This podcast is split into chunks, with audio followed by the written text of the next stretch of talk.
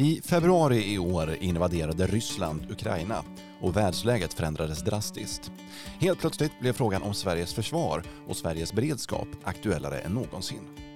Så vilken beredskap har vi egentligen? I det här avsnittet har vi samlat in frågor från Landsbygdsnätverkets medlemmar och er lyssnare på just ämnet beredskap. Dagens gäst är ingen mindre än landsbygdsminister Anna-Karin Zetterberg och hon ska bland annat få svara på hur hon ser på beredskapen i våra landsbygder och vilka planer som finns för att förstärka den. Jag vill också ta reda på hur regeringen arbetar för att underlätta och främja civilsamhällets, näringslivets och myndigheternas arbete för en stärkt beredskap i Sveriges landsbygder. Du lyssnar på podden Landet med mig Håkan Montelius och det här är en podd från Landsbygdsnätverket.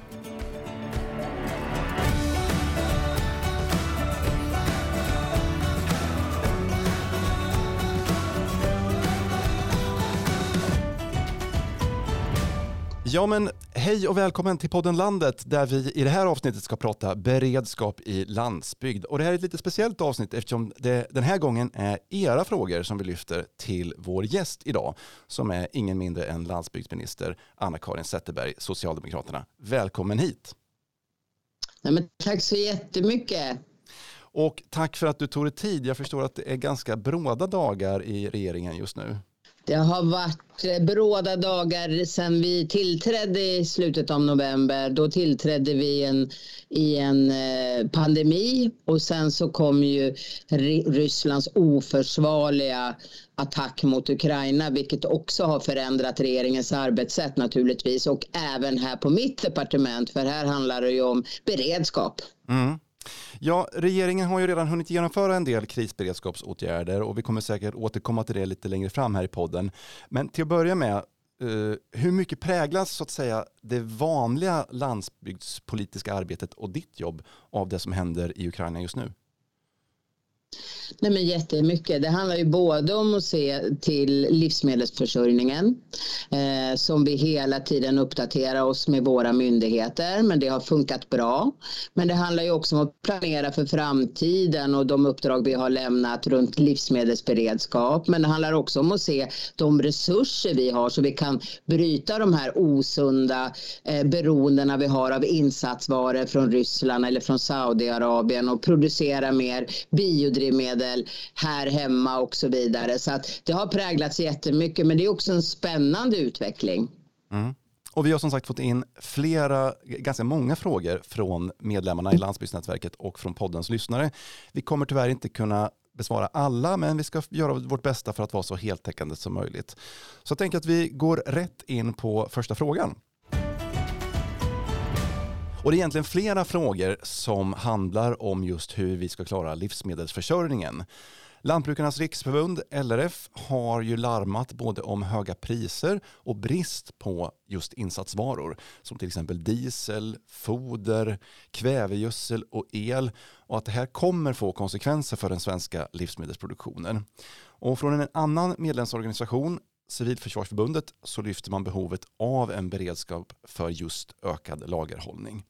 Vad finns det för planer för ökad lagerhållning av just lantbrukets insatsvaror? Ja, men det, om vi säger, redan 2020 så la ju regeringen en, en proposition om totalförsvaret. Eh, där ingår eh, både hur vi ska ha vår livsmedelsberedskap och där ingår ju naturligtvis också de insatsvaror som jordbruket behöver för annars har vi ingen livsmedelsberedskap. För livsmedelsberedskapen består både utav det vi producerar själv här hemma men också att flödena och logistiken fungerar bland andra länder som det gjorde under pandemin. Och vad vi gjorde då sen den här propositionen beslutades 2020 det är att vi har gett lite olika uppdrag både till Jordbruksverket och till Livsmedelsverket för att helt enkelt göra analysen. Hur ser Eh, hur ser en svensk beredskap ut i 2022 tappning? För vi vet ju att vi monterade ner eh, Sveriges beredskap på så många plan eh, under 90-talet och nu behövs det byggas upp igen. Så där har myndigheterna fått eh, i uppdrag helt enkelt att se över hur det här ska se ut. Mm. Nästa fråga är från Lena Nyström, Göteborgs uppfinnareförening och det är på samma tema. Hur ser planeringen ut för elförsörjning, bränsle till dieselaggregat med mera för att livsmedelsproduktionen ska kunna säkerställas och upprätthållas under en längre tid? Ja, det här, eftersom totalförsvaret, det är ju flera olika departement naturligtvis och ministrar som är involverade i det här. Eh, och och eh, då kan jag väl säga några saker.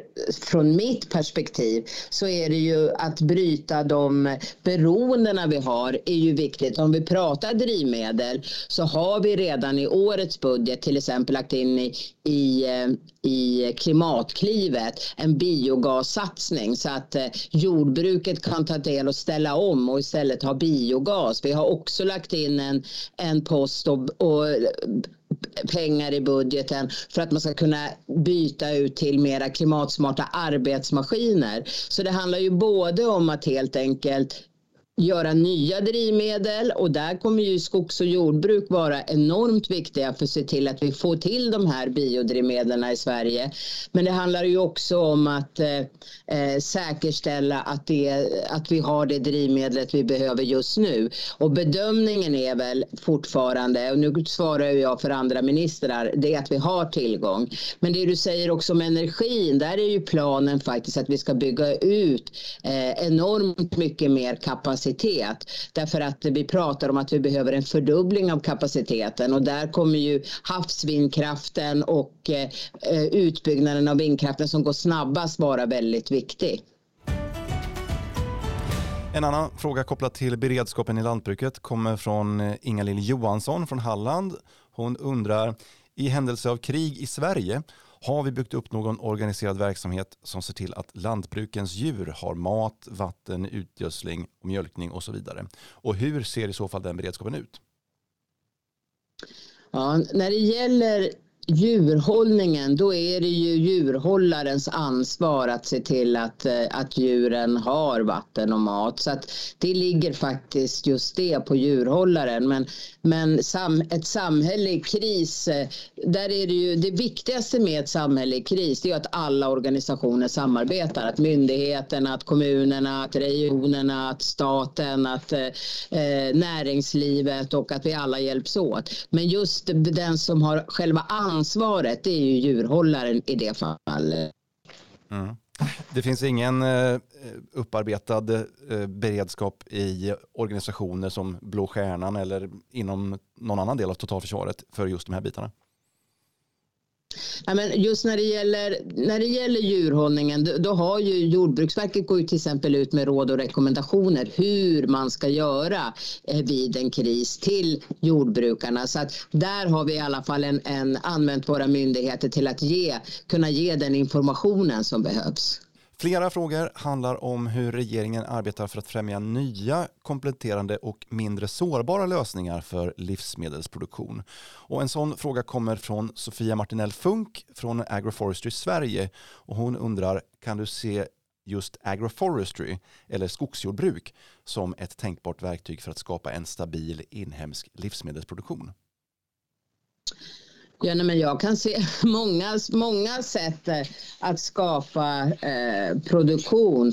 Eh, jag tror att det viktigaste vi kan göra just nu det är att vi helt enkelt låter myndigheterna göra eh, om vi pratar just beredskap, eh, att, att myndigheterna får göra analysen. Vad som är smartast, mest kostnadseffektivt, bäst eh, och som fungerar där hela samhället bidrar. Och då får de komma fram till vilka olika metoder och vad som eh, behöver göras för att skapa så att Sverige faktiskt i den beredskapsplanen så är det ju faktiskt att Sverige ska ha tillgång medborgarna ska ha tillgång till mat och vatten i tre månader. Och där har ju myndigheterna eh, uppgiften att göra den analysen hur det ska se ut. Vi går över till frågor som mer handlar om beredskapen för att säkerställa infrastruktur och service i våra landsbygder. Eh, det är flera organisationer, till exempel Skärgårdarnas riksförbund, Bygdegårdarnas riksförbund och flera andra som undrar hur ni från regeringens sida kan ge civilsamhällets organisationer som redan finns och verkar i landsbygderna idag större möjlighet att vara med och stärka beredskapen. Nej, men en väldigt viktig och spännande fråga tycker jag. jag, jag om man lyssnar på debatten som har varit i Sverige just nu så verkar det som att eh, eh det är landsbygden man vill vara på när det gäller kris. Eh, och varför kan man fundera på? Jo, det är därför att där finns tillgången både till mat förstås, det finns tillgång till vatten och det finns tillgång till ved, eh, skogen, så att man faktiskt kan, eh, kan överleva.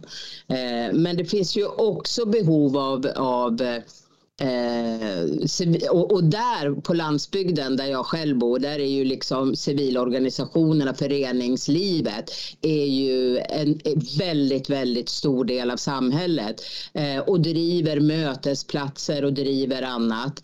Eh, så att de är ju enormt viktiga. Eh, för när vi ska ha en beredskap i hela Sverige, då ska ju också, då ska vi involvera alla och då är naturligtvis föreningslivet eh, enormt viktig. Och kommunerna har ju störst ansvar när det gäller eh, sitt, sitt föreningsliv så att säga och stödet till det. Men vi har ju också Myndigheten för skydd och beredskap som också har en uppdragsersättning till ideella organisationer och genomför utbildar, eh, utbildningar riktat till allmänheten. Så jag tror att alla de här tjänsterna som civilsamhället faktiskt bidrar till eh, att förbättra och ett helt enkelt att se till att Sverige klarar av sina åtaganden. Så de är enormt viktiga. Mm. Men är det ett, eh, en resurs som bygger på ideellt engagemang eller finns det ett, ett formaliserat eh, ansvar som ligger på civilsamhället och de här frivilliga organisationerna? Som det ser ut just nu så har vi frivilliga också försvarsorganisationer. Eh, och de bidrar ju med utbildade frivilliga inom många områden och där sker finansieringen via Myndigheten för samhällsskydd och beredskap. Och där tror jag att, eller organisationerna fick, den organisationen fick eh, 110 miljoner kronor under 2022. Men vi kan också se när det händer kriser i kommuner eller annat hur frivilliga, andra frivilliga organisationer också ställer upp och hjälper till på väldigt många sätt. Så att jag tror att i den här analysen som ska göras om hur Sveriges krisberedskap ska se ut, där kommer ju också frivilliga organisationernas roll vara med och hur hur i så fall, eh, ifall det behövs stöd till det eller inte. Det kommer också ingå i den frågeställningen. Mm. Kan det bli så att frivilliga organisationerna då, som inte ingår i totalförsvaret idag får tydliga specifika uppdrag och ett specifikt ansvar? Jag tycker att den analysen får visa det därför att eh, det måste ju också vara eh, det är ju också beroende att de här frivilligorganisationerna finns kvar. Alltså de kanske inte är eh, inskrivna på det sättet så att man kan veta exakt var de finns och exakt när. Men, men att alltid föreningslivet, eh, det är ju liksom, det visar ju styrkan i ett samhälle och eh, de kommer naturligtvis vi kan inte ha någon slags krisberedskap utan näringsliv, föreningsliv, myndigheter och kommuner och, eh, som samarbetar. Mm. Och nationellt såklart. Ja. Från bygdegårdarnas sida så lyfter man ju till exempel upp det här att man har ju ett etablerat nätverk med just bygdegårdar och att det här kan fungera som trygghetspunkter, sambandscentraler och eh, och så vidare, mötesplatser. Eh, hur ser du på mm. att bygdegårdar och andra knutbygder kan fungera som en beredskapsresurs? Nej, men, och det såg vi också under pandemin. Eh, där tillförde ju regeringen extra stöd just eh, till eh, samlingslokalerna för att de skulle också fungera. Pandemin gjorde ju att de kanske inte hade lika många besökare eller lika många människor. Så där eh, satsade ju regeringen också under 2021 102 miljoner kronor varav 50 miljoner av det var för, eh, eh, på grund av pandemin. Därför att de föreningsdrivna samlingslokalerna eh, är ju där. Det är ju så viktigt att vi samlas någonstans, att vi har någonstans där informationen är, där, där vi kan hjälpas åt. Så att hela den strukturen eh, med samlingslokaler på olika sätt eh, som de ser ut i olika kommuner är ju enormt viktig. Vi byter ämne. Per-Gunnar Wahlgren från Årböle Gård lyfter ämnet sårbarhet i telekommunikationer. Många hushåll och företag på landsbygden är ju idag helt beroende av ett fungerande mobilnät för att kunna sköta vardagskommunikation, ärenden, eh, affärer samt för att nå 112.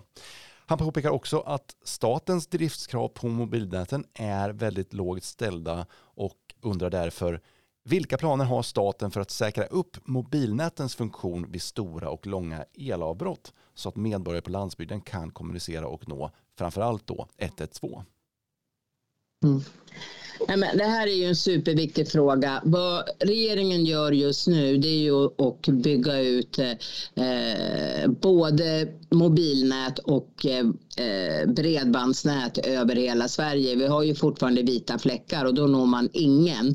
Eh, så att det handlar ju om, det här är ju också en sårbarhetsfråga och i totalförsvarspropositionen så handlar det ju både om den viktiga samhällsinfrastruktur vi behöver samtidigt som jag har ansvaret för livsmedel och vatten. Men, men det här är ju också den frågan som, som också behöver lösas ut så att alla kan nås eh, vid ett krisläge eller krigsläge och samtidigt så måste vi också se till där regeringen satsar väldigt, väldigt mycket pengar att bygga ut så att alla de vita fläckarna i Sverige också har tillgång till ett schysst eh, mobilnät och till ett bra bredbandsnät. Mm. Eh, myndighets, Myndigheten för samhällsskydd och beredskap eh, ställer ju som krav på medborgarna att man ska klara sig i minst 72 timmar på egen hand vid elavbrott eller vid större eh, kriser. Och att man då bland annat ska kunna ladda sin mobiltelefon. Men borde inte de här kraven också då gälla för mobiloperatörerna?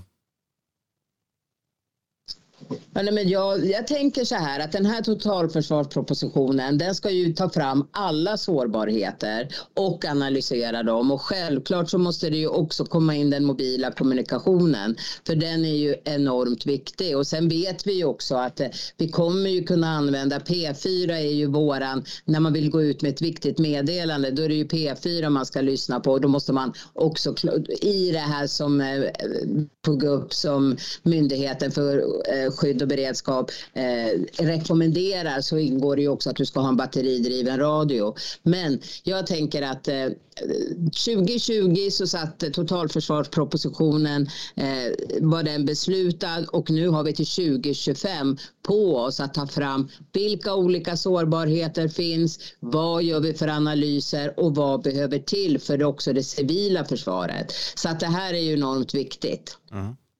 Säger jag om allt tydligen. Ja, det, det, är ditt eh, standardsvar här. Kommer du få kritik för. Ja, men jag är ju sån. Du, men det är ju viktigt. Det finns ganska många saker som är viktiga var och en för sig. Jag håller med om det. Så är det ju. Det är svårt att säga någonting annat. Ja. ja Näst sista frågan handlar om just det som du är, eh, nämnde här i, precis. Om information och skydd från samhällets sida. Idag är det ju Sveriges Radios lokala P4-stationer som är beredskapskanaler i händelse av kris eller krig eller samhällsstörning. Och vi har fått en fråga eh, om du verkar någonting för att mer moderna metoder än P4-stationerna eh, ska börja användas för just krisinformation. Eller är P4-stationerna det bästa systemet?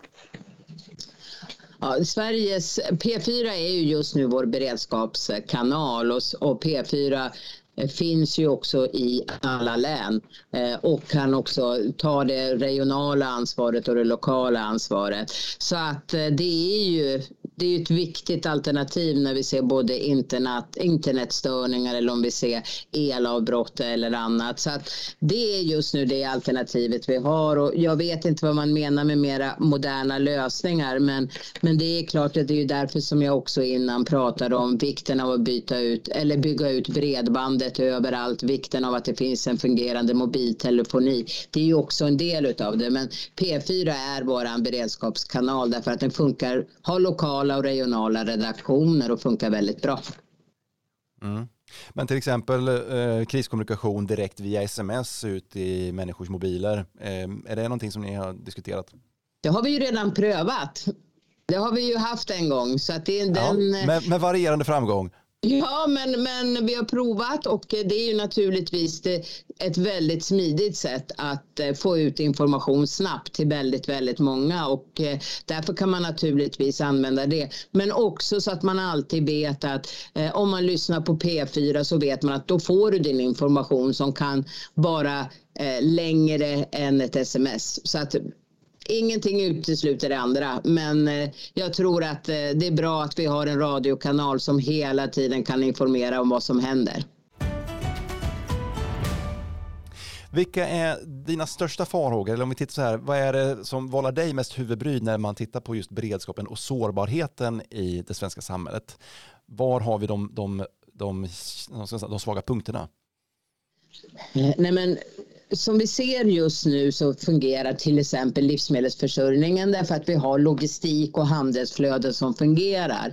Men skulle de utmanas, då måste vi måste ha en starkare försörjningsförmåga och det var ju därför vi också tillsatte livsmedelsstrategin där vi vill se en ökad livsmedelsproduktion.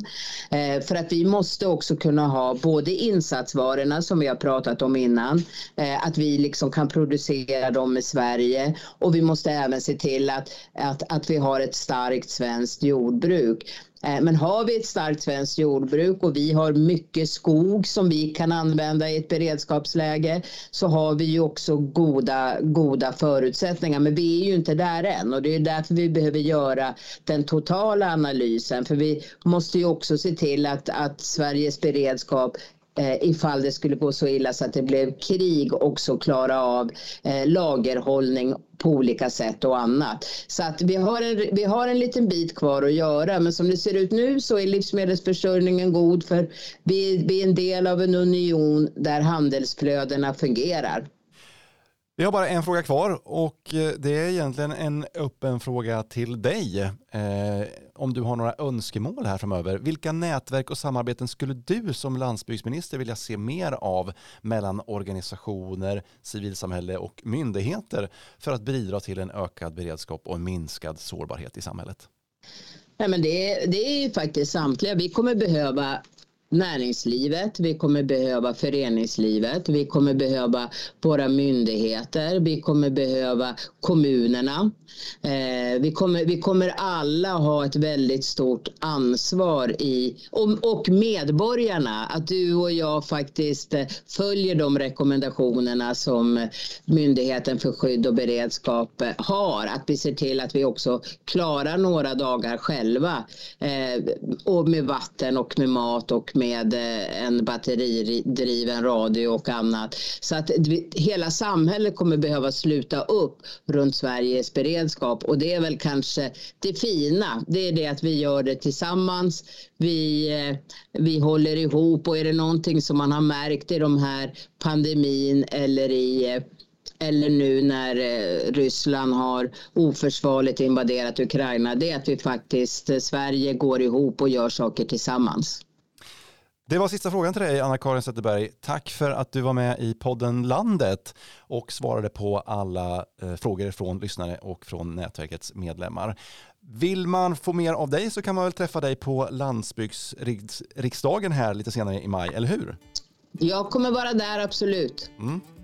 Då får du ha det så bra tills dess och återigen, tack för att du var med i podden Landet. Tack så mycket och några andra som kommer befinna sig på landsbygdsriksdagen i Jönköping 20-22 maj här bara om några dagar. Det är vi på podden Landet. Så om du vill träffa oss som arbetar med podden, ställa frågor, höra mer hur vi arbetar och eh, kanske komma med önskemål om vad vi ska ha med i podden i framtiden så är du varmt välkommen att träffa oss på Elmia under landsbygdsriksdagen. Redaktören för podden Landet heter Ingrid Whitelock. Mitt namn är Håkan Montelius och det här är en podd från Landsbygdsnätverket.